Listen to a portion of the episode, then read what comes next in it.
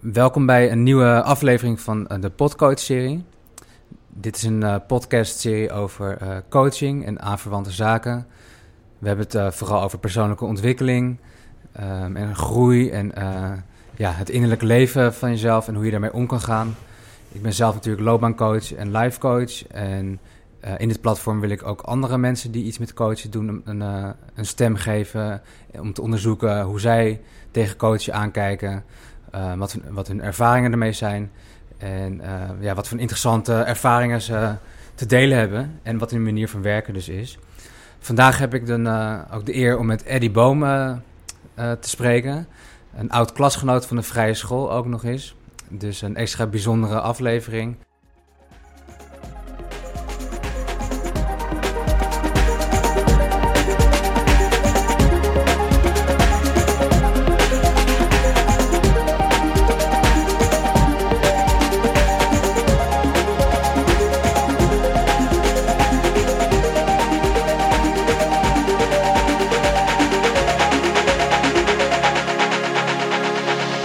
Eddie Boom. Ik wil je ook uh, van harte welkom heten in deze podcast-serie. Uh, Jij bent natuurlijk zelf bekend van uh, Helden en Hordes podcast. Kan je jezelf misschien even introduceren en, en, vertellen wie je bent en wat je doet? ja, dat zijn altijd meteen de, de examenvragen. Want ik help mensen om hun verhaal en hun propositie duidelijk te krijgen. En nu vraag je mij eigenlijk, vertel eens wat jouw propositie is. Ja. Um, ja, ik heb dus inderdaad een eigen podcast. In de podcast uh, zet ik makers, creators en world shakers centraal. Uh, dus mensen die ergens voor zijn gaan staan, uh, vanuit wie ze zijn en waar, waar ze goed in zijn. Um, dat is mijn podcast. mijn werk daarnaast is dat ik ondernemers ondersteun bij het verkrijgen van meer helderheid, meer overtuigingskracht en zelfvertrouwen. door ze te spiegelen en te helpen bij het bevrijden van hun verhaal. Ja. Dus ik heb daar een coachtraject voor en ik heb een online opleiding Bevrijd je verhaal. En om, om helemaal af te ronden heb ik samen met twee andere compagnons een bedrijf Dr. Woe, waarin ik de iets grotere ondernemers niet alleen help bij het mhm. bevrijden van hun verhaal, maar waarbij we dat verhaal ook vertalen naar een mooie website. Ja, wat gaaf. Dus je helpt ondernemers uh, met een verhaal te unlocken. En om die kraak helder uh, te krijgen, zoals je ja, dat schetst. Mooie dingen. En wat fascineert je zo uh, aan ondernemerschap en mensen verder te helpen daarmee? Um, nou ja, ik denk... Um, kijk, ondernemerschap is voor mij... Uh, en dat, dat zal, voor, zal voor iedereen anders zijn, maar is... Dat doet gewoon een appel op op je persoonlijke ontwikkeling. Uh, het, is, het is bijna onmogelijk om uh, als ondernemer je, je uitdagingen en je ontwikkelpunten links te laten liggen. Mm -hmm. Kijk, ik kan me voorstellen dat als jij een bepaald baantje hebt uh, waarin ja, jou gewoon gevraagd wordt een bepaalde taak uit te voeren, ja, dan ben je gewoon een schakel in een wat groter geheel. Maar met name als je een wat kleinere ondernemer bent, dan is een tevreden klant is jouw schuld. Een ontevreden klant is jouw schuld. Ja, ja mooi gezegd. Um, ja, jij bent betrokken bij het salesproces, bij het factureren. Dus je ziet hoe jouw financiële situatie eruit ziet. Je ziet, uh, als jij keer op keer klanten hebt die niet zo blij zijn, ja, dan moet je bij jezelf te raden gaan van, hey, ligt het aan die klant of ligt het aan mij? Ja, helder. Dus, ja. dus het, het, is, het is een, uh, uh, ja, een, het is een leerschool, ondernemerschap. Het gaat echt hand in hand met elkaar, zeg je. En wat mij ook uh, aanspreekt is inderdaad, als, als, je onderneemt, dan neem je jezelf natuurlijk mee. Dus uh, het gaat uh, gepaard met elkaar, je persoonlijke ontwikkeling. Als je daarin investeert, investeer je natuurlijk ook in je onderneming mm -hmm. automatisch. Dat het spreekt me dan ook erg aan en daarom heb je ook uitgenodigd omdat ik daar meer over wil weten. Mm -hmm. Je hebt mij ook al laatst heel even kort geholpen met, met, met mijn nieuwe website. Omdat ik ook voor mezelf een ja. coach-onderneming ben gestart. Dus ik heb ook een beetje van je geproefd van hoe, uh, hoe je dat uh, doet en zo. Dat vond ik wel super tof. En natuurlijk vroeger toen ik nog veel evenementen organiseerde... heb mm. jij ooit ook een keer een, uh, een flyer voor mij gemaakt. Ook een beeldende oh, ja, ja. presentatie Mooi, van ja, een evenement. Dus op die manier kennen we elkaar natuurlijk ook wel zakelijk een beetje. Mm -hmm. um, en dan nu in de podcast. Dus om- omdat je natuurlijk dus begeleiding doet en coacht. Mhm. Ehm, dan ook even een, een, een, grote vraag weer. Wat versta jij onder eh, coachen? Wat betekent dat voor jou? Ja, interessante vraag. Ehm, het eerste wat, wat in me opkomt is dat er dus verschillende manieren zijn van coaching. Eh, en om dat eventjes eh, zeer te vereenvoudigen, eh, zijn er mensen die ehm, ja, jou eigenlijk vertellen wat ze zien. En jou teruggeven van hé, hey, ik zou dit en dit doen. Maar er zijn ook coaches die draaien het volledig om. Eh, die zetten jou in je kracht door bijvoorbeeld te zeggen wat hun problemen zijn en of jij daar een oplossing voor hebt. En dat klinkt bizar, Mhm. maar ik ken iemand die gaat met, met een grote directeur aan de wandel. En dan vraagt hij aan de directeur: Hey, ik heb wat problemen thuis. Eh, hoe kijk jij daarnaar? Ja, Om op die manier bij die persoon contact eh, te laten maken met, ja, met zijn eigen potentieel. Omdat het in de coaching vaak zo is, dat is mijn overtuiging, dat er eh, het zwaartepunt wordt gelegd eh, op jouw probleem. Mhm. Eh, terwijl je ook kunt kijken van waar zit je potentie. Is dat, bedoel je dat, dat je het systeem aanspreekt waarmee je zelfredzaam ook problemen kan onderhouden of oplossen? Dat je dat dan weet te bekrachtigen, bedoel je dat? Ja, ik denk dat je oneindig op zoek kunt gaan naar, naar ja, de bron van de bron van de bron. Eh, waaruit jouw patronen, jouw gedrag of jouw overtuigingen of angst of belemmeringen eh, zitten. En enerzijds eh, geloof ik dat het goed is om die reis naar binnen te maken. En anderzijds is het leven denk ik te kort om tot een nulpunt te komen waarin jij voelt, nu ben ik angstvrij. Nu weet ik precies wat er in mijn systeem zit. Ja, Want ik geloof ook als jij drie jaar hebt gemediteerd en je heel gelukkig voelt, kan je drie jaar later weer helemaal in de shit zitten. Dus ik denk dat het eh, ja, ook om gaat dat je contact maakt met, eh, met wat kom ik hier brengen. Eh, en vanuit daar ja, gaat kijken van wat moet ik doen om mijn potentieel te bevrijden. Maar dat is natuurlijk een zoektocht eh, waar iedereen zich in eh, het leven van mee bezig kan houden. Mhm. Waar, waar ben ik hier voor? Wat kom ik hier brengen? Mhm. En hoe help jij mensen daarbij dan precies? Want mensen zijn al aan het ondernemen of hebben al een bedrijfje, misschien een gezonde voeding of een, een Ja. webshopje of wat dan ook. Hoe kom je tot die kern met die mensen dan? Ja, kijk, als ik het eventjes... eh, hoe, hoe het gisteren, eh, terwijl ik mijn eigen nieuwe website aan het ontwikkelen was... eh, Mhm. waar, ik, waar ik op kwam, is, is, is, is een soort paradox. Ja, En dat is namelijk, eh, misschien ken je het boekje De Alchemist. ja van Paulo. ja, natuurlijk een ja. heel mooi boekje. Een ander mooi boekje, als je daarvan houdt, is Jonathan Livingston Seagull. Eigenlijk een soort alchemist, maar dan vanuit een zeemeeuw bekeken. Vanuit een wat? Een zeemeeuw. Een zeemeeuw. Ja, het is een soort sprookje, maar het is heel mooi. Ja, Waarin het er eigenlijk in beide boeken op neerkomt dat de zoektocht naar wat je hier eh, voor gaven te brengen hebt op aarde, eh, uiteindelijk ligt de schat in je achtertuin. Ehm, en dat is wat ik heel veel ondernemers zie doen. Niet alleen ondernemers, maar misschien wel gewoon de mens. ja. Het op de verkeerde plek op zoek gaan naar de oplossing van hun probleem. Dus Einstein die zei, eh, de oplossing zit altijd op een andere plek dan het probleem. En toch zoeken wij de oplossing op dezelfde plek als het probleem. Dus er komt bijvoorbeeld een ondernemer en die zegt... Ik verkoop niks met mijn website, dus ik doe mij maar een nieuwe website. Ja, ja, ja. Maar de oplossing zit wellicht niet in je website... maar in het verhaal wat je op die website vertelt... Dus de oplossing eh, zit vaak in een klein hoekje, zeg maar. Ja, ehm, exact. En, ehm, en dat, dat, dat is zeg maar hoe ik mensen erbij help, is ze vaak bewust te maken eh, dat ze misschien eh, een oplossing hebben bedacht voor hun probleem, die niet de echte oplossing blijkt te zijn.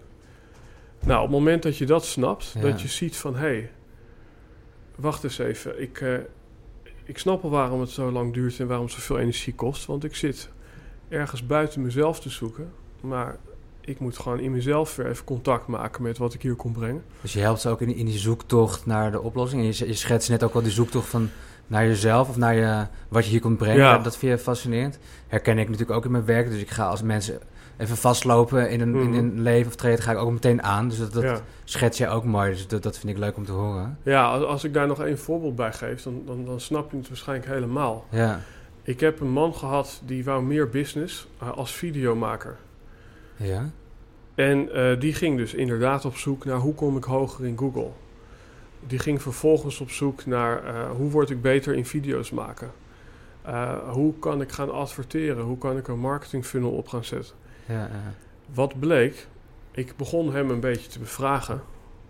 Ik zeg, hey, hoe kom jij nu eigenlijk aan je klant? Hoe, hoe gaat dat? Hij zegt, nou ja, dat is niet zo'n gek bijzonder verhaal. Wat, Nee. wat ik doe is, ik zie bij een organisatie dat hun video's kut zijn. Vervolgens maak ik een veel betere video. Dan bel ik bij dat bedrijf aan. Ik zeg, hier alsjeblieft, dit is een betere video. Maar dat doet toch iedereen, zei hij. Aha. Ik, zeg, ik zeg, nou, volgens mij, eh, meneer, ja, doet ja. niemand dit. En is het alleen dit vertellen en dit meer gaan beoefenen Ja, en jouw business loopt weer. Ja dat, dat, dat, is, dat is eigenlijk vals consensus. Dat, dat, dat, jouw gedrag of jouw overtuiging, dat je, dat je daarvan denkt dat iedereen dat snapt of kent of doet. Ja, exact. En eh, dat, dat is dus vaak helemaal niet zo. dus, dus inderdaad, eh, hetgeen wat jou het meest onderscheidt, eh, dat is zoals in de alchemist wat al in je achtertuin lag. Dat, dat, is, ja, dat, ja. dat is waar ik steeds meer achter kom. ja, dat kan ik wel rijmen, want ik, ik zeg ook altijd, ik activeer wat bij mensen al latent aanwezig is. Dus het zit al ergens in Ja. je, maar haal het er maar eens uit, zeg maar. Ja, ja en, en dan is vervolgens eh, vaak dus de overtuiging, zelfs nadat ze hebben gezien dat dat het bijzonder is, is de overtuiging, ja, maar dat is toch dat is nog niet genoeg hoor. Eh, daarmee kan ik niet de, de, de bühne op. Maar de, de, het bizarre is ehm, dat op het moment dat mensen, en dat is dus wat ik in het coachingstraject doe, dat je dat echt gaat uitschrijven, dat je daar woorden aan gaat geven. En het dus niet alleen maar een concept is in je hoofd, maar dat je het ziet op papier eh, of op een website. Dan in één Ja. keer, dan zie jij daar jouw oneindige potentieel. Mooi. En daar komt een soort superpower, een soort zelfvertrouwen. Eh, hoe gek het ook klinkt, maar ik heb vaak genoeg dat mensen in één keer zo ontzettend in zichzelf zijn gaan geloven. dat ze hun website niet meer gebruiken. eh, vaak nauwelijks hun verhaal hoeven te vertellen. Kijk. Omdat ze gewoon puur op energie en overtuiging al gewoon Wauw. eh, hun business weer op de rails hebben. ja, heel inspirerend hoe dat eh, uitpakt dan. Mooie, mooie winst. Ja, Ja. Ik kan me voorstellen dat het heel bevredigend is als je mensen zo'n spiegel kan voorhouden en hun in, zij, in hun kracht kan zetten van wat eigenlijk al eh, heel goed gaat of wat al een uni- unieke kracht is. ja dus, dus ik, ik zeg wel eens, ik help mensen hun verhaal te bevrijden. Net zolang tot ze het verhaal niet meer nodig hebben. Leg eens uit. Nou, je bent bezig met het opschrijven van wat jij allemaal aan potentie bent. Waarin jij anders bent dan al die andere bijvoorbeeld coaches. Mhm.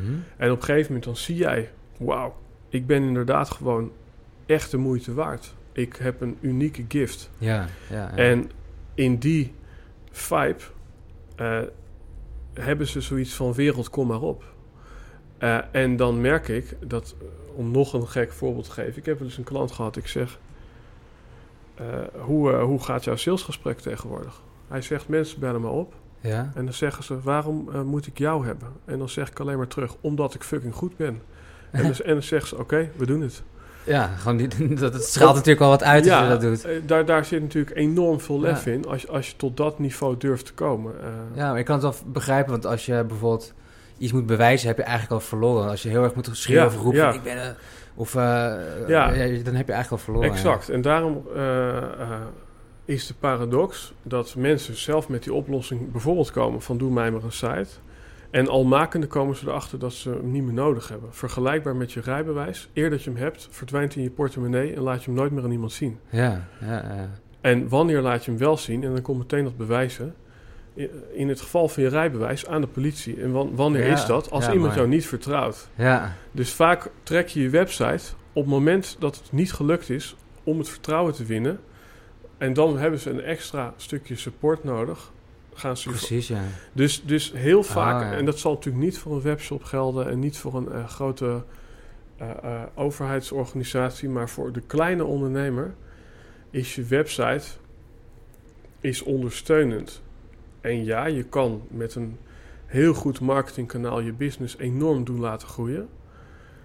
Maar sometimes to sell a horse, you need to say horse for sale. en meer heb je niet nodig. Ja. Als jij gewoon echt vanuit zelfvertrouwen durft te communiceren: dit is mijn aanbod en ik kan je helpen. Maar je zegt eigenlijk ook gewoon: je moet de boer opgaan, uh, met mensen in contact Ja. komen, netwerken en daar eh, je kracht laten Exact. zien. Ehm, dus op een andere manier je tijd investeren om eh, potentiële klanten te leren kennen en, en die aan te spreken. Precies, dus som- soms zijn mensen, en dat is weer een voorbeeld van de oplossing, eh zoeken ze op de verkeerde plek. Soms zijn mensen van na de dag van aanmelding bij KVK, zijn ze al bezig met het bouwen van een marketing funnel, dus een soort klantreis uitstippelen op internet. Mhm. Terwijl er is zoveel laaghangend fruit. Pak je mobiel, bel gewoon iedereen op waarvan je denkt, die kan ik wel ondersteunen. En als jij in jezelf gelooft, dan bel je die gewoon op en dan zeg je, ik zal eerlijk met je zijn, ik ben net begonnen. Ja. Ik eh, vraag dit en ik eh, eh, voel dat ik jou kan ondersteunen met dat. Ja, de mogelijkheden zien en Misschien- daarop ja. te durven acteren. ja. Dus waarschijnlijk Mooi. heb jij nu al eh, eh, vier klanten op, in, in je directe omgeving rondlopen. Terwijl jij dacht dat je eerst nog een Instagram-advertentie moest klaarzetten en vijf funnels moest lanceren ja. om aan de bak te mogen. Dus eigenlijk een, soms een onnodige tussenschakel eigenlijk. Ja. Of die ook wel uit twijfel of, Nou, ook- ook bewijsdrang is Ook ontstaan. dat is bijna de alchemist. Van weet je wat, ik reis de hele wereld rond. En je komt thuis en je denkt: fuck, mijn schat lag gewoon in mijn achterkamer of Ja. in mijn achtertuin. Ja, Dus in die, Mooi. ja, in die zin zijn we. En, en dan zeg ik dus vaak: die reis die je dan maakt. En de reis is dus soms dat je een hele website en een heel funnel gaat maken. En het, het cliché is: een startende ondernemer die maakt een visitekaartje. Mhm. Want die denkt: nou, als ik nou een visitekaartje, een logo heb, dan, dan kan mijn winkel starten. precies. Maar om mezelf even als voorbeeld te noemen, ik heb nu al drie maanden geen eigen website. En ik heb meer klanten dan ooit. En hoe, hoe is dat je gelukt dan? Ehm, ja, dan, heb je even. heb je even, heb je even voor mij, ja. Nou, als je misschien wat, wat, wat eh, essentiële punten eruit kan liggen. ja, kijk, eh, eh, kijk eerlijkheid eh, eh, duurt het langst. Dat ga je merken, want nu komt er echt een verhaal. Kijk aan. Nou, nee, kijk. Om, om- Pak maar even een kopje thee erbij. Ga er even goed voor zitten, dames en heren. En, eh, Schrijf gezellig aan, laat je speelgoed staan. ja, Ja, ik, eh, ik heb dus, eh, want hè, nu- nu, zit ik hier en nu voel ik dat het allemaal klopt en loopt. ja, En ik heb een aantal maanden geleden, was ik het echt kwijt. Ehm, dus ik had met mijn bedrijf Dr. Woe een website die je kunt vergelijken met V&D. Er werd van alles aangeboden, maar toch gingen we bijna failliet. Ehm, omdat daar ook geen keuzes werden gemaakt op die site. En daarmee werden dus eigenlijk geen keuzes gemaakt in het verhaal. Hè? Want je dat- site is een wil ik wel op inhaken. Want je zegt, er, er werden geen keuzes gemaakt. Want Ja, Ik herinner nog dat een van jouw slogans was eh, kiezen om gekozen te worden. Ja. Eh, maar dat, dat, dat werkte voor jezelf dan ook even niet? Of hoe ging nou, dat dan? dat was inderdaad eh, het lek bij de loodgieter. Ja, Ehm, het, is, eh, het is natuurlijk, eh, zoals ze in het Taoïsme zeggen, het oog kan zichzelf niet zien. Ik zag, ik zag gewoon niet dat, dat ik zelf in, in, in, in dat loopje zat waar ik mijn Nee, klanten precies. uithielp. Ja. ja, hè, dus je moet voorstellen, ik had een website waarop van alles werd aangeboden. Met als resultaat, mensen dachten, waarvoor moet ik bij jou zijn? Jack of all trades, master of none. Mooie slogan. precies, ja. Vervolgens ehm, eh, ja, zag ik mijn financiën teruglopen. En ik was ook niet zoveel bezig met geld verdienen. Want ik dacht, eh, volgens mij moet ik gewoon eh, weer doen wat ik leuk vind. En toen ben ik eigenlijk in een soort ja, noodtoestand... ben ik met nog vijf afspraken in mijn agenda voor die dag daarna... Ja, ben ik eigenlijk in een soort mist... ben ik op Airbnb gaan zoeken naar een eh, locatie in België. met de Noorderzon vertrokken. En inderdaad, ik had s'avonds laat had ik een Airbnb gevonden. En s ochtends om eh 8 uur zat ik in de trein naar België. Mhm. Samen met een vriend van mij. Die om een hele andere reden daar was, maar het wel leuk vond om mee te gaan. Ja, En ik zat daar in een Joodse wijk in Antwerpen. En ik eh, eh, had eigenlijk maar één ding bij me en dat was een dagboek. En eh, ik eh, schreef daar en ik ging koffietenten en theehuizen in. En het was letterlijk dat ik mijn dagboek startte met eh, Dear Diary. Lief dagboek. Ja, eh, dit is een, een nieuw hoofdstuk in mijn leven. En ik weet totaal nog niet wat voor hoofdstuk. En toen was ik gewoon heel eerlijk met mezelf. Ja, En toen ja. heb ik een eh, lijst gemaakt van alles wat ik tot dan toe deed of wou zijn. En daar stond bijvoorbeeld, ik ben een public speaker. Ja, En daar stond, ik ben een business coach. En daar stond, ik ben een copywriter. Ik ben een webdesigner. Ik ben een fotograaf. Ik ben een gitarist. Ik ben een jongleur. allemaal dingen waarmee jij je identificeerde. Exact. En toen heb ik uit een lijst van 20 dingen, heb ik er 19 doorgestreept. Vanuit eerlijkheid, Eddie, je bent geen public speaker. Mhm. Je wil public speaken omdat je erkenning zoekt. Ja, Nou, op dat, dat is eerlijk. Ja, en op dat niveau ben ik eerlijk naar mezelf geweest. En ik kwam toen na drie dagen terug uit België en ik zei eigenlijk vol zelfvertrouwen: Ik ben een business coach en ik help jou met een kraakhelder verhaal. En de rest is fucking bullshit. Maar bedoel je dan ook dat je andere mensen helpt om die erkenning te krijgen die je dan zelf eigenlijk verlangde? Of? Nou, op dat moment in België was ik eigenlijk met niemand bezig behalve met mezelf. Ja. Ehm, en het was, en nu wordt het bijna een beetje creepy. Ik had opgeschreven welke identiteit wil ik over vijf jaar hebben. Mhm. En toen ging ik brainstormen wie wil ik zijn over vijf jaar. Totdat ik op een gegeven moment opschreef: ik wil dit van Bent van Looy, dat is een artiest uit België. Ja, Ik wil dit van Ralf Moorman, dat is een klant van mij, maar ook een vriend ja, ja. van de hormoonfact. En toen heb ik ook een streep gezet door die vijf jaar. Ik denk, fuck you. Het leven is kort. Ik ben het nu al. Want dat wat je wil worden, dat ben je al. Ja, precies. Als je, als je daarvoor durft te gaan staan. Maar die vraag van wie wil ik zijn over vijf jaar, dat is eigenlijk maar één goed antwoord op. Gewoon mezelf, jezelf. Ja, en, en dus was de vraag, wie, wie ben ik als ik alle bullshit weglaat? En toen dacht ik, dan ben ik een podcast host en een business coach. En de rest is bullshit. Ja, En toen ik daar eerlijk mee was, toen ging ik op de terugweg uitstappen in Breda.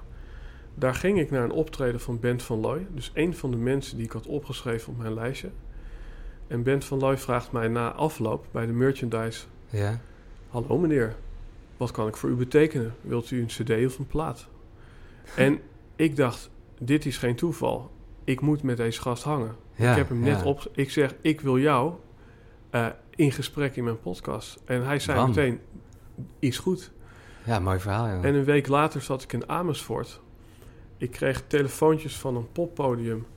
Dat het allemaal niet door kon gaan, dat het lastig was. Dat er een strak draaiboek was voor deze grote artiest uit België. Ja, En ik ben gewoon in die trein gestapt. Ik denk, fuck jullie, ik moet deze gast ontmoeten. Hij heeft gezegd dat dat mag. De organisatie niet, maar volgens mij heeft hij het laatste woord. ja, het is allemaal managementgezeik natuurlijk. En ik loop letterlijk een popzaal in, als een soort Haarlems patronaat. De deur stond open, er was niemand in het hele gebouw. Mhm. Op een gegeven moment zie ik een man met een uh, checkie in zijn hand. Die zegt, Allee, eh, weet u... ah, oh, wacht eens even. Bent u, bent u Eddie van eh Dr. Woe? Meteen raak. En meteen raak. En toen kwam er iemand van backstage. En toen zei hij, ja, ik heb toch slecht nieuws voor je, Eddie. Ehm, het kan wel doorgaan, maar je hebt geen eigen kleedkamer. Dus je moet samen met Bent van Looy de kleedkamer delen. Ja. Ik ja, denk, ja. nou, volgens Wat mij een straf. Wat een straf. Ik denk, ik kan nu alle vragen stellen die ik wil. En daar kom je voor. En ik heb een prachtige podcast met deze man opgenomen.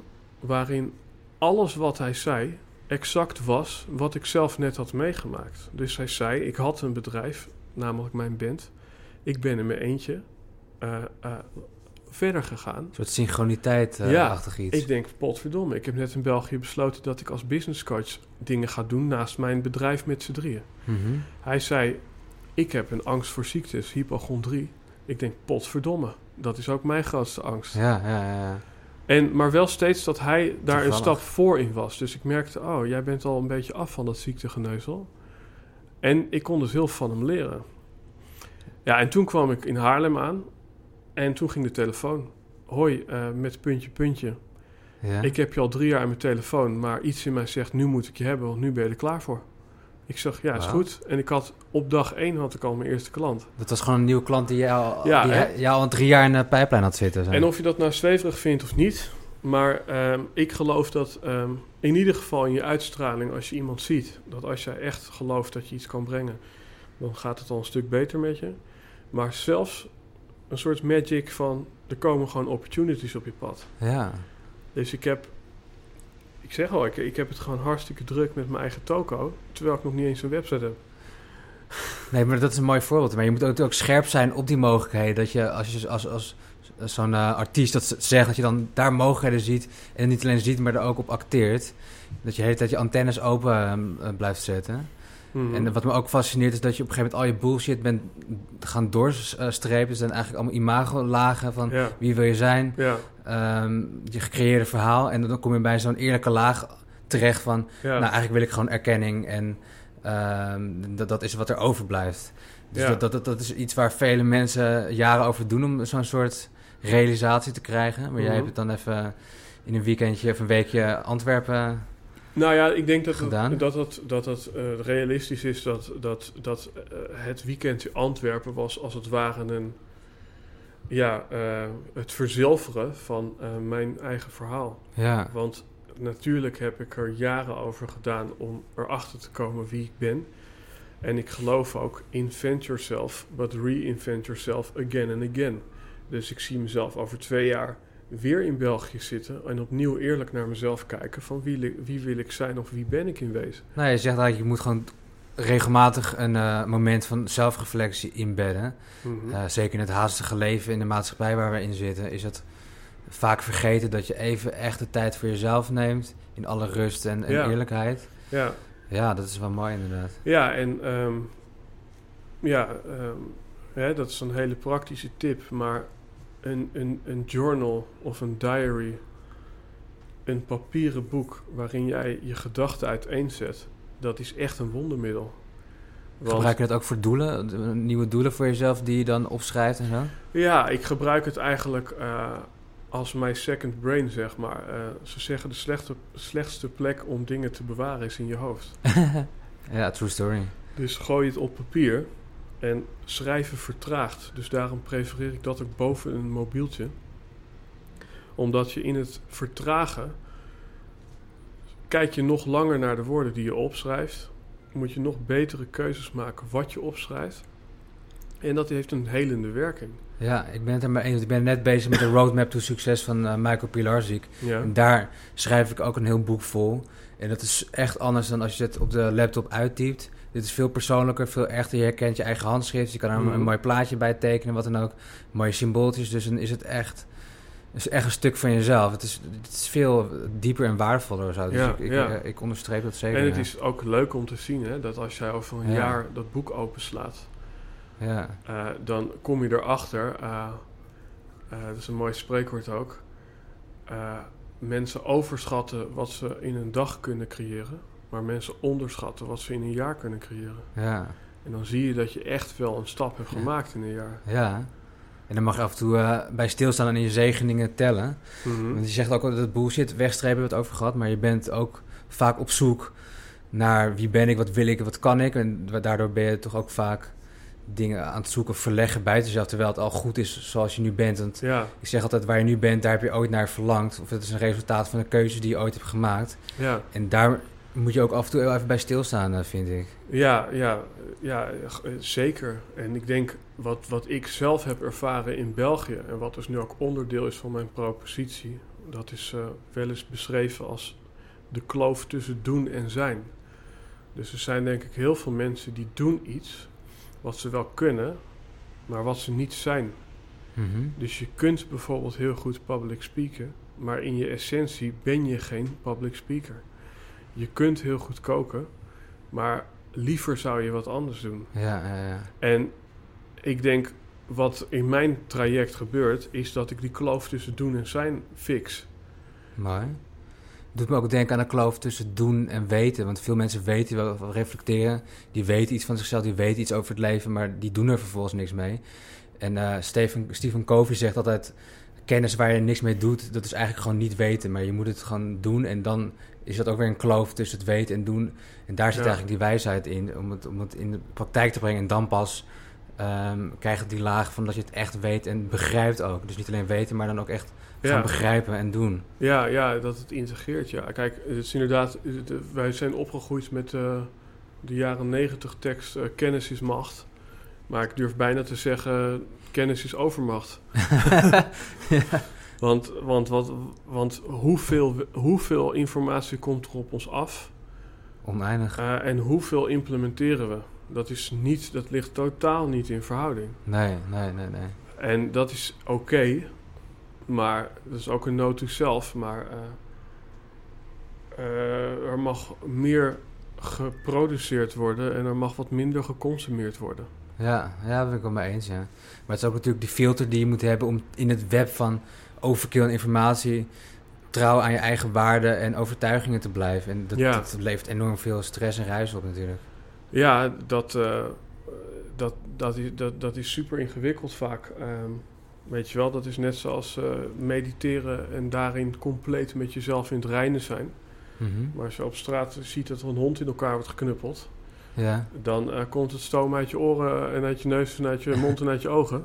in het dagelijkse leven, zeg maar. Dus ehm, ja, hè, ga, ga maar eens gewoon. Dat is ook een mooi voorbeeld. Dat ze een vegetariër hadden gezet in een groep van 100 eh, vleeseters. Ja, En echt wel dat als er 99 mensen jou vragen: Toen nou, wil je niet toch een bitterbal? Dat als jij net vegetarisch bent geworden, dat je dan op een gegeven moment overstag gaat. ja, ja, ja. Dus ik vind dat ook een mooie van lang genoeg eh, zijn met je, met je eigen nieuwe gedrag. Totdat je ervaart dat je sterk genoeg bent om er ook mee de wereld in te kunnen. Ja, ja, ja. En eh, dat betekent niet dat je tot over drie jaar moet wachten met de wereld ermee ingaan. Maar ik heb zelf bijvoorbeeld bewust een paar maanden lang de kroeg vermeden. Totdat ik voelde, nu ben ik sterk genoeg om tegen al die jeugdvrienden nee te zeggen als ze me weer vragen om een biertje te nemen. ja. Dus die weerbaarheid werd dan... eh, Ja, maar ook de, ook de kracht om, Versterkt. om ja te durven zeggen hè, tegen een biertje. Terwijl je eigenlijk niet drinkt, maar omdat je je dan gewoon overgeeft aan dat ene biertje in het moment. ja, Maar dat, dat, is, dat, Ja, is, dat is pretty hardcore. ja, wel, wel knap dat je dat hebt verwezenlijkt. Je hebt het net gehad over... eh, hoe heette die artiest ook weer die je net Ben, schetste? Bent van Looy. Bent van Looy, ja. En zo heb je veel meer ehm, best wel bekende mensen gehad in je podcast, zoals Paul Smit en dat soort. En, en Mhm. Wim Hof, de IJsman. Mhm. Ehm, ja, wat is nou echt het meest waardevolle wat je daaruit hebt meegekregen uit al die gesprekken die je hebt ge- gevoerd? Ja, kijk, ik denk dat ik eh, net zoals velen eh, op zoek was naar de waarheid. Ehm, en dan blijf ik bij een quote van Paul Smit. Die zei namelijk: De waarheid is niet de waarheid, maar datgene wat jij jezelf het meest hebt verteld. En dus een overtuiging is geworden. Exact. Dus ehm, ik kom er gewoon achter. Ik heb mensen aan tafel gehad die zeggen: het leven is maakbaar. Ik heb mensen aan tafel gehad die zeggen: je bent een marionet in een groter geheel. Je hebt nul invloed. Mhm. Ik heb mensen gehad die zeggen: mediteren is de bom. Ik heb mensen gehad die zeggen: je kan je er meditieve steren, maar uiteindelijk is het ook weer een poging om te vluchten aan wat je voelt. Want hoeveel mensen gaan er niet mediteren om pijn te vermijden?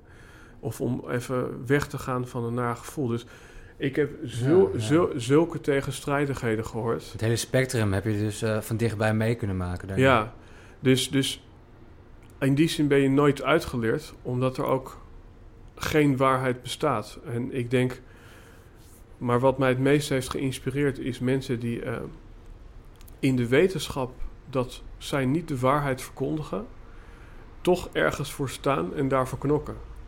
Wacht even, die wil ik even Ja. verscherpen. hoor. Dus mensen die van zichzelf weten dat ze niet de waarheid verkondigen, maar toch ergens voor staan. Ja. Dat, dat, dat blijft Ja. erbij. Ja, da- dus, dus om dat eh, eh, vereenvoudigd uit te leggen in een voorbeeld. Je kunt een bordspelletje doen, bijvoorbeeld Risk, met, die- met die legers. Ja, leuk spel. Ja, en dan ben jij bijvoorbeeld rood.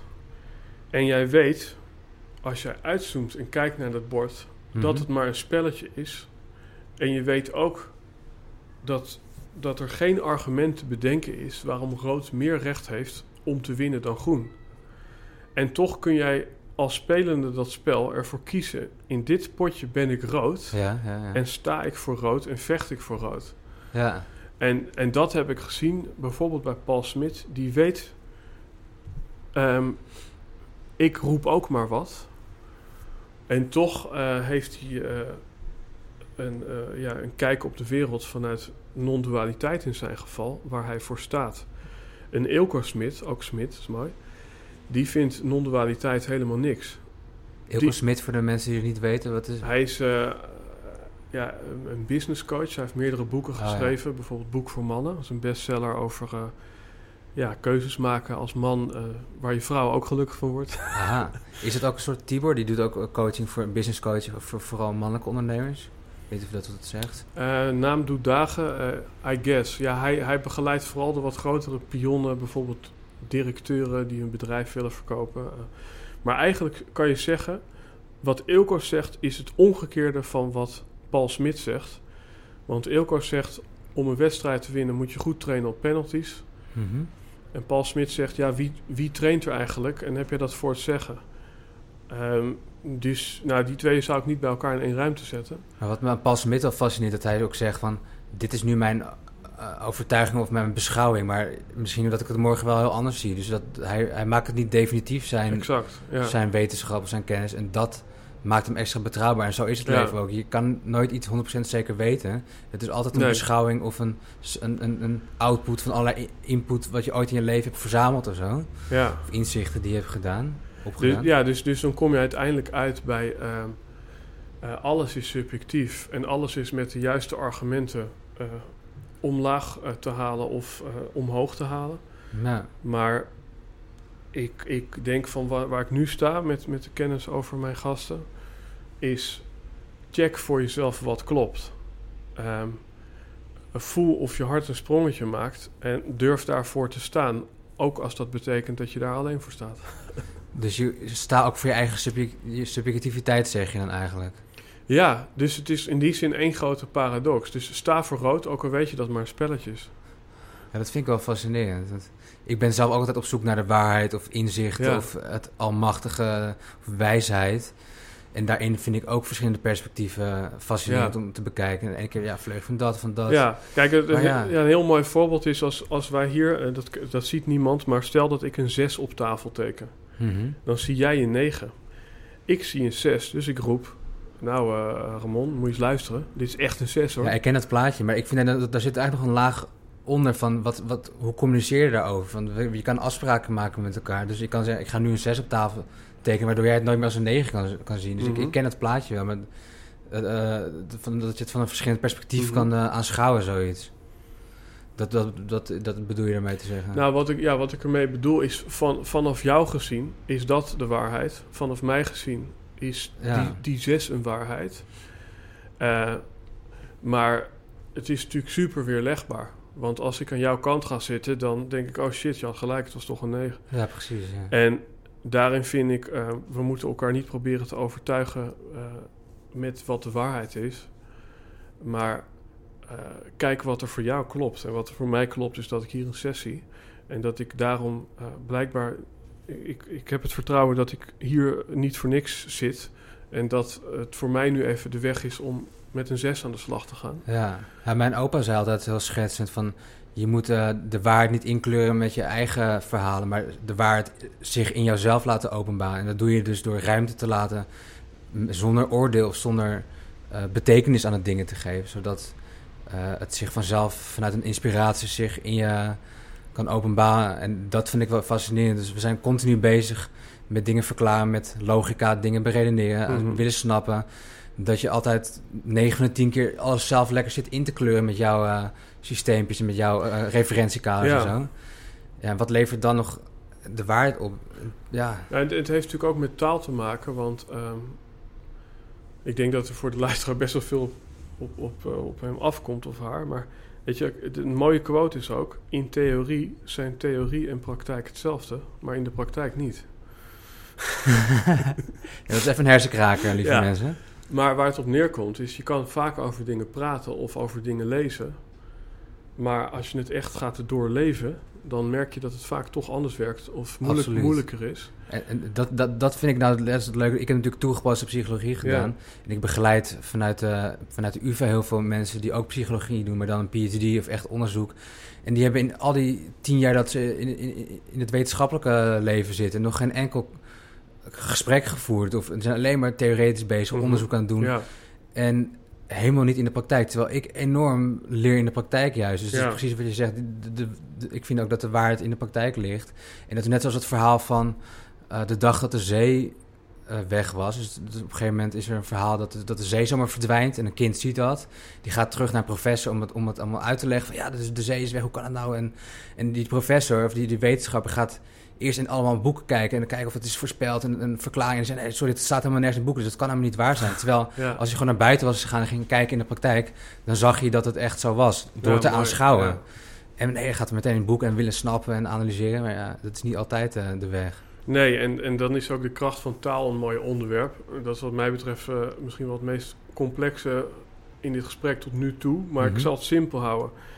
Eh, wij denken, daar heb ik een mooi boek over gelezen, wij denken vaak dat taal beschrijft wat er is of wat we zien. Ja. Maar het, eh, dit boek zegt het is andersom. Dus taal creëert wat er is. En een mooi voorbeeld daarvan is... wij noemen een lepel... eh, nou, dat is dat stuk ijzer waar je mee eet.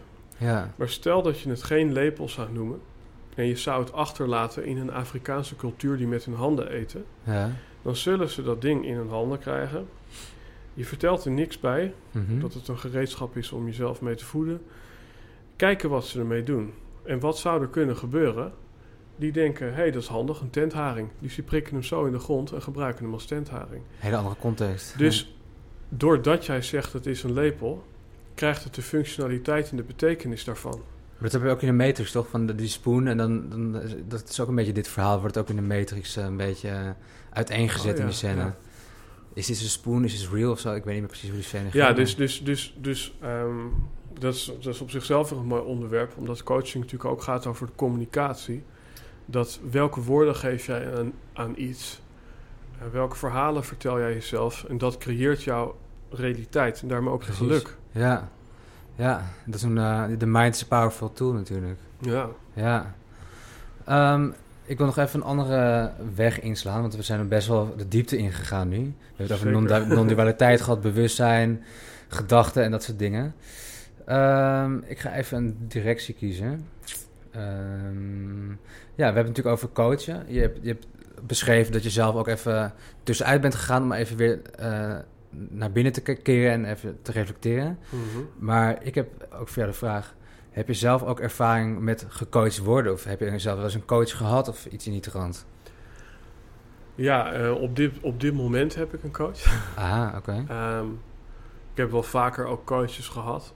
ik heb ook een coach retraite gedaan in Zweden. Ehm, kijk, Ilko Smit zegt de beste coaches hebben coaches. Eh, dus ik, eh, ik ben het daarmee eens. Omdat eh, het scherpste mes zichzelf niet kan slijpen, zegt hij. Ja. Eh, is het bijna onmogelijk om ja, ondersteuning te bieden, geloof ik, aan andere mensen. Als jij niet zelf ook ondersteund wordt. ja. En ehm, daarin geloof ik ook dat coaching helemaal niet zo'n taboe is. Ehm, want, weet je wel, eigenlijk er wordt gezegd: een therapeut die kijkt naar wat er in het verleden was en hoe je dat recht kan zetten. Een coach is meer gericht op de toekomst en waar je naartoe wilt. Maar wa- wa- wat die persoon ook eh, met je doet, eh, de praktijken laat zien dat mensen die het heel zwaar hebben, die hebben vaak begeleiding. Maar mensen die het heel goed hebben, hebben juist ook vaak begeleiding. Dus het zijn juist de artiesten, de mensen die, die bijvoorbeeld een penalty hebben gemist. ja, de sporters en artiesten, zeg maar. ja. exact. Ja. Die, die, die, die krijgen enorm veel begeleiding. Ja. Dus, ehm, dus ja, ik heb er ervaring mee met coaching. Eh, sterker nog, ik, eh, ik merk dat eh, mijn.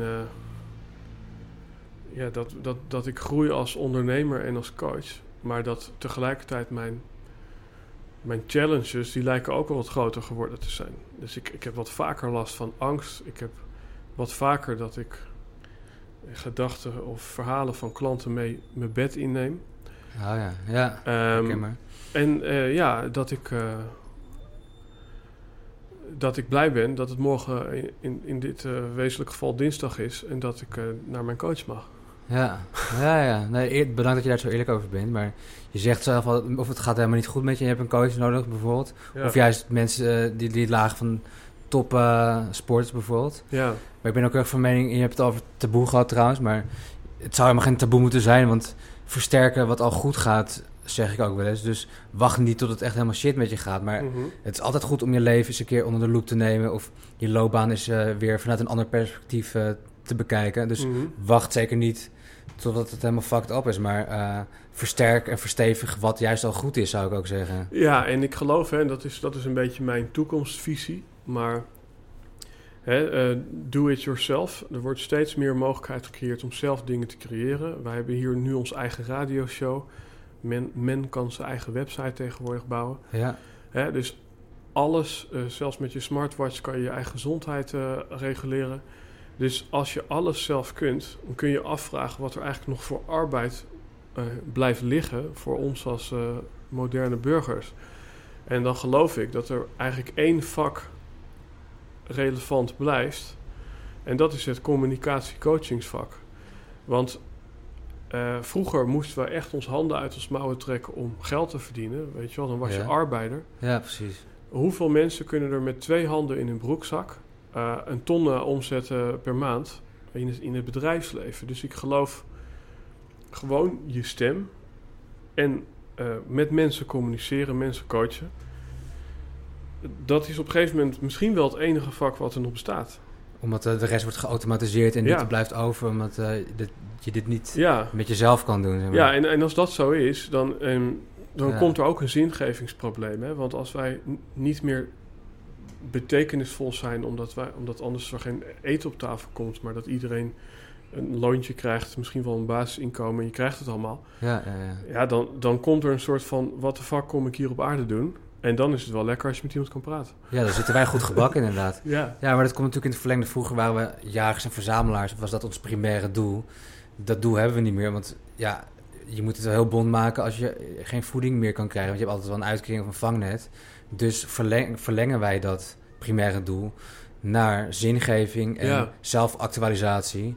En dat is vaak eh, heel erg lastig voor mensen. ja het is, uh, we weten eigenlijk niet meer iets wat, het, wat het is om problemen te hebben. Want uh, mensen die het hebben over... Uh, ja, ik weet het niet of ik nou voor die of die vrouw moet kiezen... of, of ik nou wel of geen vlees moet eten. Mm -hmm. Ik denk, als jij midden in de oorlog zit... dan ben je echt niet bezig met of je wel of geen vlees eet. Nee. Dan ben je gewoon aan het surviven. Dus het Ja, is echt, ja. in die zin is het een luxe product, denk ik. Ja. ja, maar ook je, je loopbaanvormgeving. nee, Ik ben natuurlijk daar veel mee bezig met mensen die op zoek zijn naar de ideale baan. Ja, Ook een luxe probleem. Want ja. er is altijd wel een, een broodbaan te vinden waarin je gewoon een salaris kan verdienen. Ja. Maar nee, wij hebben een honger en verlangen naar die perfectie of, of Ja. die, die, die, die zingeving of een steentje kunnen bijdragen. Het is echt een thema wat ik veel bij coaches hoor. Ik wil iets nuttigs doen, dus ik wil iets bijdragen voor de maatschappij. Ik wil iets met duurzaamheid, ik wil iets uh, met mensen ondersteunen. Het zijn allemaal Mhm. best wel mooie waarden die de mensen hebben. Maar goed, in welke mate uh, ga je dat dan ook in je baan vinden? Ja, en ik geloof, hè, er zijn nu natuurlijk al bijna meer coaches dan, eh, dan mensen. Mhm. Ehm, dan, hè, dus, dus alleen door te zeggen, ik ben coach en je levert kwaliteit, je hebt een goede prijs. Eh, ja, daar sta je dan in een hal met honderd andere coaches. Exact. Waarom stoppen ze bij jouw steentje? Dus binnen, zeg ook mijn vakgebied, geloof ik dat het dus heel belangrijk is om te weten wat jouw vierkante centimeter is. Wat jou onderscheidend maakt met, met wat jij kon brengen. Wat bedoel je met de vierkante centimeter? Nou, dat uh, als wij allebei coach zijn, uh, waarom zou iemand dan naar Eddie gaan of wanneer gaat iemand naar Ramon? Ja. Um, en uh, tel daar 98 anderen bij op en je staat in een beurshal en uh, je wil aan het eind van de dag genoeg klanten hebben. Ja, ja, ja. Of op zijn minst de juiste klanten. Dus dat, uh, dat ze niet eigenlijk bij iemand anders thuis horen. Ja, dan moet je gewoon kraakhelder weten van wat is mijn vierkante centimeter. Dus wat is mijn micro-onderscheidende vermogen ten opzichte van die twee steentjes die naast mij staan. Ja. Bedoel je daar dan ook mee dat, dat ik me nu bijvoorbeeld onderscheid als coach uh, voor quarterlijvers, dat ik een bepaalde Ja, uh, een kader. Uh, ja maar, maar, maar zelfs quarterlijvers, dat zijn er zometeen een paar honderd of een paar duizend. Mm -hmm. dus dan is het. Um, ja, dan, dan, dan, wordt het misschien nog kernachtiger. Um, mijn zus heeft ooit een mooie quote bedacht en dat is: Je gave is ook je grootste opgave. Vaak is het zo dat datgene wat jij het meest kan uh, bieden aan een ander, dat is jouw gift, jouw gave. Ja, ja. Maar hoe ontdek je wat dat is? Vaak door te kijken waar je eigen grootste opgave ligt. Ja, mooi gezegd. En voor mij was dat uh, verhalen. Want uh, ik kan goed verhalen vertellen, zoals je misschien nu ook merkt. maar in mijn hoofd worden er ook wel eens fantasieverhalen bedacht dat ik bijvoorbeeld ziek ben. Ja. En dan voel ik mij een dag KUT. Dan neemt het verhaal de loop met je. Exact. Ja. En um, en dat is uh, waarom ik denk ik uh, de chosen one ben voor verhalen. Omdat ik juist weet wat ook de andere kant van het kwartje is. Ja, maar dat klopt precies wat je zegt. Want ik ben eh, vooral in mijn jeugd, puberteit, enorm op zoek geweest naar mezelf. Dus echt van school naar school, tussenjaar. ehm, niet meer meedraaien in het reguliere onderwijs, weet je wel. Echt ehm, ja, geïsoleerd op een gegeven moment qua de maatschappelijke dingen. Dus een beetje bijbaan, een beetje zoeken. Dus vanuit die zoektocht vind ik het heel fascinerend om andere mensen, als ik hun zie zoeken naar wat voor baan, wat wil ik dan doen, waar ben ik goed in, weet je, dat soort vragen, wie ben ik, dan hup, ga ik automatisch in de actie staan omdat ik dat herken en omdat ik weet dat je er baat bij kan hebben om daar verder in te komen. Mhm. Dus dat, dat herken ik ook helemaal bij mezelf wel mee coach of, of, Mhm. ben geworden. Dus eh, die zoektocht vind ik echt fascinerend altijd. Ja, dus ehm, hè, dat is misschien een beetje de, de shortcut van eh, iedere luisteraar. Die kan dus nu eh, gaan kijken waar zit mijn gave en opgave. Weet je wel, er zijn heel veel mooie woorden. Waar zit je pijn en ook je passie? Want passie is het Latijnse woord verleiden. Weet je wel? Ja, ja. Eh, dus eh, je pijn, passie, eh gave, opgave. Wat heb je nog meer? Mes, message. Tja. Ja, mooi voorbeeld. Dat is altijd best wel con- contrasterend. Het is altijd Ja. best wel... Ja, Dat is juist weer duaal. We hebben het over non-dualiteit gehad, maar dit is altijd weer een mooi contrast. Maar ik denk ook, we hebben veel mensen die over persoonlijke ontwikkeling spreken, hebben het dan ook over verlichting of zo. Wanneer ben je nou verlicht of helemaal ja, los? Maar ik denk ook dat de grens, de, de scheidslijn tussen verlichting en pijn of, eh, ehm, nou ja, dat het ook een heel dun lijntje is. Want je kan niet verlicht zijn zonder daaronder een laag van pijn en zoektocht en, en misschien wel een stukje duisternis te hebben Ja. eh, liggen of zo. ja, want ik inderdaad ik kijk naar een Eckhart Tolle. Die eh, had op een gegeven moment geen zin meer in zijn leven en daarna werd hij verlicht. Byron Katie die lag geloof ik naast haar bed en die dacht eh, ik wil dood. En toen eh, schoot ze in de lach en toen was ze verlicht. Ja, ja, ja. Eh, dus het zijn vaak van die bijna doodervaringen. wat Tolle ook letterlijk zegt. je moet sterven voor je doodgaat. Ja, je moet ergens van verlicht worden. En dat, dat kan niet zijn dat je al helemaal happy de peppy was Ja, en daar Ja. verlicht van zijn. Nee, je moet, waar word je verlicht van? Ja, van toch struggles, pijn eh, en, en problemen misschien. Ja. Ja, ja. Hey, nog even terug naar jou, jouw rol als business coach. Je hebt het al over wat klanten gehad die je dan begeleidt. Wat, wat, wat zie je nou vaak misgaan bij, bij klanten? Of denk van, kijk, dit herken ik. Hier lopen de, de klanten toch vaak wel tegen, tegen aan. Ehm, ja, waar, waar ze tegenaan lopen is ehm, dat ze vaak of het leven van anderen leiden. Dus dat, dat is volgens mij ook de, de, hetgeen wat men op hun sterfbed roept: van ik heb het leven van een ander geleid. Shit. Ja, Ehm, of dat je het leven eh, eh, leidt van je eigen hypnose. Dus dat is eigenlijk een overtuiging die helemaal niet klopt, waar je ten dienste van staat. Ja, dat zegt Edwin Solaya, zegt dat vaak, die Ja. hypnotherapeut ook. Ja. Ja, dus, dus, dus kijk, ehm, dan kom ik toch weer uit op waar ik mee begon. Van, eh, het is toch de, de verkeerde oplossing kiezen voor, eh, voor je probleem. En, en dus hè, ik zie mensen die het bekende verhaal van de houthakker, namelijk die had geen tijd om zijn bijl te slijpen, want die moest namelijk nog zoveel bomen omhakken. ja, Ja. en dat is het volgens mij nummer één probleem van iedere ondernemer. Van eh, ja, en je ziet in een soort rattenkooitje van ik ga maar heel hard werken, want anders heb ik geen geld. Maar waarom ik geen geld heb? Omdat ik heel hard werk en daardoor geen tijd heb om aan mijn bedrijf te werken. Dan Dus- werk je in je bedrijf in plaats van daaraan. Ja, exact. En dat is, eh, dat, dat is denk ik in één woord. Wat wil iedere, onder, onderne- iedere ondernemer? Vrijheid. Eh, wat verliezen ze al vaak na jaar één? Vrijheid.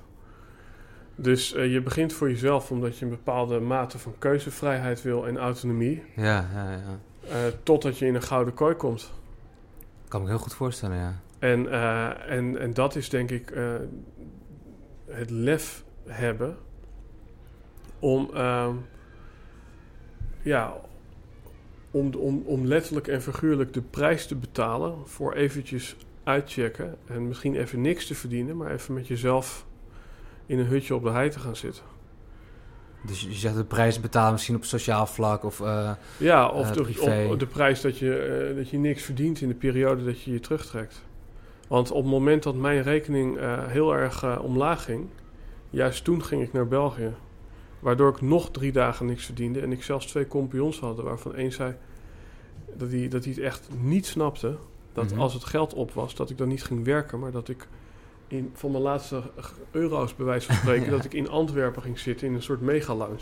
maar dat heeft je wel veel opgeleverd, zeg Ja. Dus en, en, en dat is ook weer die paradox van... ehm, een vrouw zei ooit tegen mij... Eddie, als het goed gaat en je hebt alle tijd van de wereld... mediteer dan vijf minuten. Heb je absoluut geen tijd en gaat het kut... mediteer dan twee uur. en, Ja, dat, en, dat, en, en dat is het vertrouwen dat, dat, dat je die oplossing mag kiezen. Ja, gewoon die ruimte creëren voor jezelf. Ja, Ja, belangrijk, ja. En een probleem, eh, eh, dat is meer mijn vakgerelateerde probleem. Mooi van Einstein. If you can't explain it simply, you don't understand it well enough. dus mensen die denken soms, weet je wat, ik gooi gewoon die te veel tekst op mijn website. Ja, veel Dan staat er altijd wel wat tussen wat aanspreekt. Terwijl die ander alleen maar leest. Jij begrijpt zelf nog niet wat je komt brengen. Ja, dat is weer gewoon dat je het gewoon uiteindelijk kan kanaliseren tot ik, I'm fucking good en eh, Exact. dan ben je daar gewoon weer. Dus je, op, Ja. het is inderdaad de weg van, je, ver- eh, ze wordt gezegd schrijven is grappen, je verhaal zo erg versimpelen, totdat er misschien nog maar één slogan o- overblijft. En als je daar bent, dan heb je zoveel zelfvertrouwen dat je die slogan niet eens meer gebruikt. Ja, killing, killing your darlings. En eh, dat is natuurlijk moeilijk. Je hebt zo je best Ja, gedaan ja. mooi verhaal. Ik herken het wel zelf, want ik ben nu net mijn website een beetje aan het oppimpen. Ja, ook, ik, heb- ik heb twee, eh, drie A4'tjes volgeschreven. En echt lopen snijden en Ja. poetsen. En, en het is echt moeilijk hoor. Ja, en dat is, eh, ik denk, bij mij is het, eerst maak je, maak je jouw verhaal. Daarna maakt je verhaal jou. Ja, En dan zou Quincy Jones zeggen: uh, You have to really scrape away all your story, so there is nothing left but truth. ja, mooi. Ja, dus als je alles weghaalt, komt de waarheid. Ja, maar dat, dat, dat is wel echt belangrijk. Ook in mijn coachgesprekken. Van mensen zijn, praten zichzelf zoveel angst of dingen aan. Ehm, en, en probeer het maar eens af te brokken en kijken wat er overblijft. En vaak Mhm. is dat best wel een warme, liefdevolle plek. En zien mensen dat het allemaal al heel goed met ze gaat. Of dat ze al heel veel potentie hebben. En veel meer Ja, kunnen dan ze eigenlijk denken. ja. En, en, en veel meer eh, in hun mars hebben. Dus dat is altijd mooi om te zien. ja. En eh, net, net schets je even die, die, die twee routes. Dus mensen eh, leven of het verhaal van iemand anders. of ze leven hun eigen kulverhaal. of ja, die hypnose of hun eigen kulverhaal. Ja. Daar wil ik nog heel veel kort op inzoomen. Die eerste natuurlijk al duidelijk de verwachting van andere policen en dat soort dingen. Maar dat jezelf aanpraten van een verhaal. Hoe, hoe, hoe zie jij dat? Hoe ontstaat zoiets volgens jou? Nou ja, mooi voorbeeld. Kijk, daar, daar ligt vaak een angst eh, aan ten grondslag. Eh, dus zo'n verhaal eh, wordt vaak gekweekt op het moment dat je geen vertrouwen hebt. Ja, precies. Ik heb een mooi boekje gelezen. Waar gebeurt verhaal? Daar is ehm, weer de verhaal. Ja, zijn man en zijn zoontje die net geboren was, die had iets opmerkelijks afwijkends aan zijn gezondheid. Waarop de dokter zei: geef hem dit pilletje en eh, zijn bloedcellen zijn weer in orde. En dan is het goed. Mhm. Waarop hij zei: Ja, maar wacht eens even. Wat als die pil niet werkt? Nou, dan gaan we prikken. Ja, maar wacht eens even. Als dat niet werkt, wat dan? Eh, of dat er iets mee is. Ja, nou ja, het allerextreemste wat zou kunnen gebeuren is dat hij dan HIV krijgt. Oké, en als hij dan HIV heeft, wat moet ik dan doen? Ja. Nou, dan neem je een paar eh, van deze pillen. Eh, en dan kan je daarvan genezen tegenwoordig. Oké, maar als dat dan niet werkt, ja, dan heb je nog een paar eh, jaar te gaan, eh, meneer. Ja, ja, ja. Hij heeft dat jaar alle seminars afgelopen van mensen die aids hadden en hoe ze daar nog mee konden leven. En dan denk je, Jezus, wat krankzinnig. Dus wel vier stappen vooruit is hij al, zeg maar. Ja, en die is dus eigenlijk op een niet bestaand scenario, in, in een soort van vier stadia gevorderd, is hij zijn leven gaan indelen. Bizar. En dan kan je denken, dat is bizar, maar eigenlijk doen er heel veel mensen dit. Alleen zijn we daar niet bewust van. Vanuit een angst acteren of zo. Ja, dus een- één zo'n stadia eh, wat vergelijkbaar is, is dat een ondernemer denkt: ehm, ehm, ik moet hoog in Google komen. Maar dan zou Byron Katie zeggen: is dat echt zo? Nou, waarschijnlijk niet, want ik ben hier bijvoorbeeld een voorbeeld van: eh, ik heb niet eens een website en ik heb klanten. Ja, ja. Eh, maar waar komt die overtuiging dan vandaan, dat verhaal? En die komt misschien vandaan dat je ergens zegt: ehm, Ja, ik ben niet echt relevant. Ik ben niet echt de moeite waard. Dus moeten er heel veel mensen naar mijn site gaan. Want er zullen heel veel mensen toch uiteindelijk niet met mij in zee gaan. En daarom moet ik op nummer 1 staan. Want dan heb ik zoveel mensen dat er in ieder geval één klant voor me tussen zit. Precies, ja. En Ja, dat is dan ja, het verhaal. Ja. Dus het is handelen naar een verhaal. Vanuit eh, angst. vanuit waarschijnlijk iets heel basaals als ik ben niet goed genoeg. Of ik heb geen zelfvertrouwen. Of mijn vader vindt mij niet aardig. Of ik ben op een schoolplein gepest en ik zoek nog steeds naar erkenning. Dus eh, bij Elke Smit hebben we een hoofdstuk van een boek gemaakt dat heet De Schone Schijn van het Schoolplein. Oh, klinkt uh, goed. Over zakenmannen die eigenlijk het leven hebben ingedeeld om het vriendje op het schoolplein te bewijzen dat ze de moeite waard zijn. En Ja. daarom kopen ze een witte Tesla. Terwijl dat schoolpleinvriendje vaak al uit beeld is of niet eens meer in leven is. Ja, ja. ja, ik kan me voorstellen. Jan Geurt zegt ook altijd dat je in je kindertijd al zo'n negatief geloof over jezelf aanleert. Ik ben niet goed genoeg, wat je net al zei. Of, of mijn vader vindt dit of dat. Of eh, ik ben stom. En dat je dan in je, je leven daar zoveel last van hebt... dat je je leven inricht in zo'n verhaal... om dat maar weg te poetsen, om te compenseren... Ja, dat je wel het bent. Of je gaat juist heel erg terugtrekken... en je wordt bijvoorbeeld verslaafd, zoals je het dan Mhm. zegt. Dus dit zit daar zeker ook eh, in jouw ja want verhaal, eh, hij, bij. hij zegt letterlijk dat eh, een kind eh, die leert... pijn zit in mij, geluk zit buiten mij. Heel letterlijk. Ja, Als ik dorst heb, krijg ik melk van mijn moeder. Dus met andere woorden, daar zit het geluk, buiten Mhm. mij. In mij zit honger. Dus dat in mij zit, dat is kut. wat, wat er buiten mij zit, is goed. ja, Dus we worden inderdaad geconditioneerd met het geluk ligt buiten onszelf. ja, ja, precies. En afhankelijk zijn van goedkeuring Ja. en, en eh, bevestiging van mensen om ons heen. Het blijft gewoon iets moois natuurlijk. Ja, en, toen, en dan hoor je mensen zeggen, ja, hè, we moeten naar een kind kijken, want die is nog helemaal met zichzelf eh, in, het, in het reinen. Maar het is lekker makkelijk, want een kind heeft ook nog niet dat bewustzijn. En ik denk, onze uitdaging is om met onszelf oké te zijn, terwijl we wel zien wat er allemaal afspeelt. Ja, je was eigenlijk al gelukt toen je geboren was.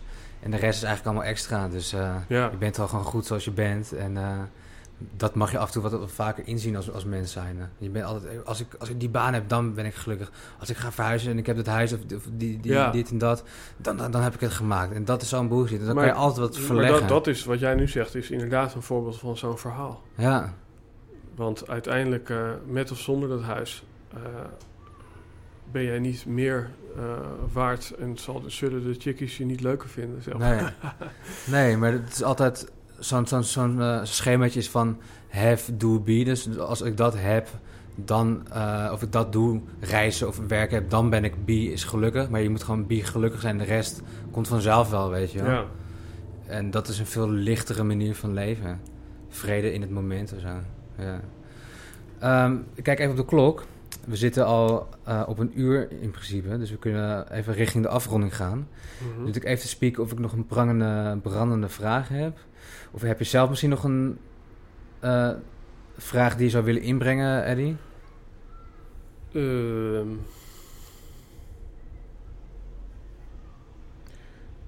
nou ja, kijk, ik denk dat jij eh, beter eh, weet wie de, luisteraars zijn van dit kanaal. en waar, waar, waar zij misschien behoefte aan hebben. Dus ik denk dat jij daarin een betere zet kan doen dan ik. dat ik daar... Oké, daar ga ik even over nadenken. Ehm, ik heb hier nog wat vragen opgeschreven. Nou ja, heb jij dan nog tips voor de luisteraars? Ehm, we krijgen wel veel klanten die last hebben van belemmerende gedachten. Dus ik ben niet goed genoeg of...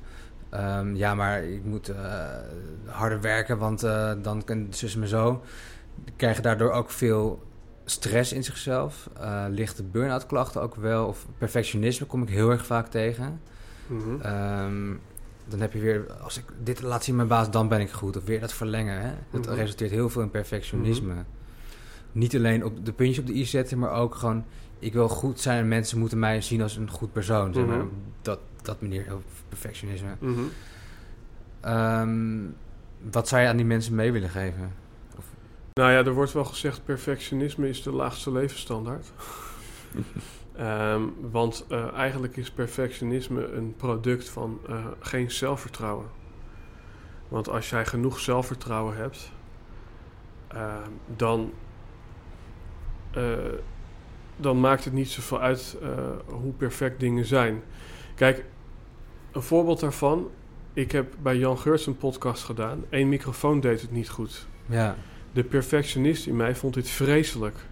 Want ik ging naar de grote Jan Geurts ja. en daar ging ik. Het voldeed niet aan jouw standaard en Ehm, verwachting. En dan is het opmerkelijke, waarschijnlijk als ik er niet bij had gezegd dat die microfoon niet goed stond, had de luisteraar er niet eens iets over gemerkt. Precies, dat is het vaak. Doordat ik vervolgens zeg dat het zo is, gaan ze erop letten en is het er. Ja, Eh, te- tegelijkertijd is het benoemen ook wel weer bevrijdend, want dan is het in ieder geval van jouw bordje. Kijk, ik zou willen zeggen, eh, perfectionisme is, eh, is de laagste eh, levensstandaard. Perfectionisme bereik je überhaupt nooit. nee. Ehm, en ja, ik zou eigenlijk willen zeggen, als je last hebt van perfectionistisch gedrag, werk dan aan je vertrouwen. Werk aan je vertrouwen. Klopt, ja. Ja, het, het is natuurlijk ook een... eh, En hoe werk je aan je vertrouwen? Eh, eh, ga boksen, ga iets fysieks doen.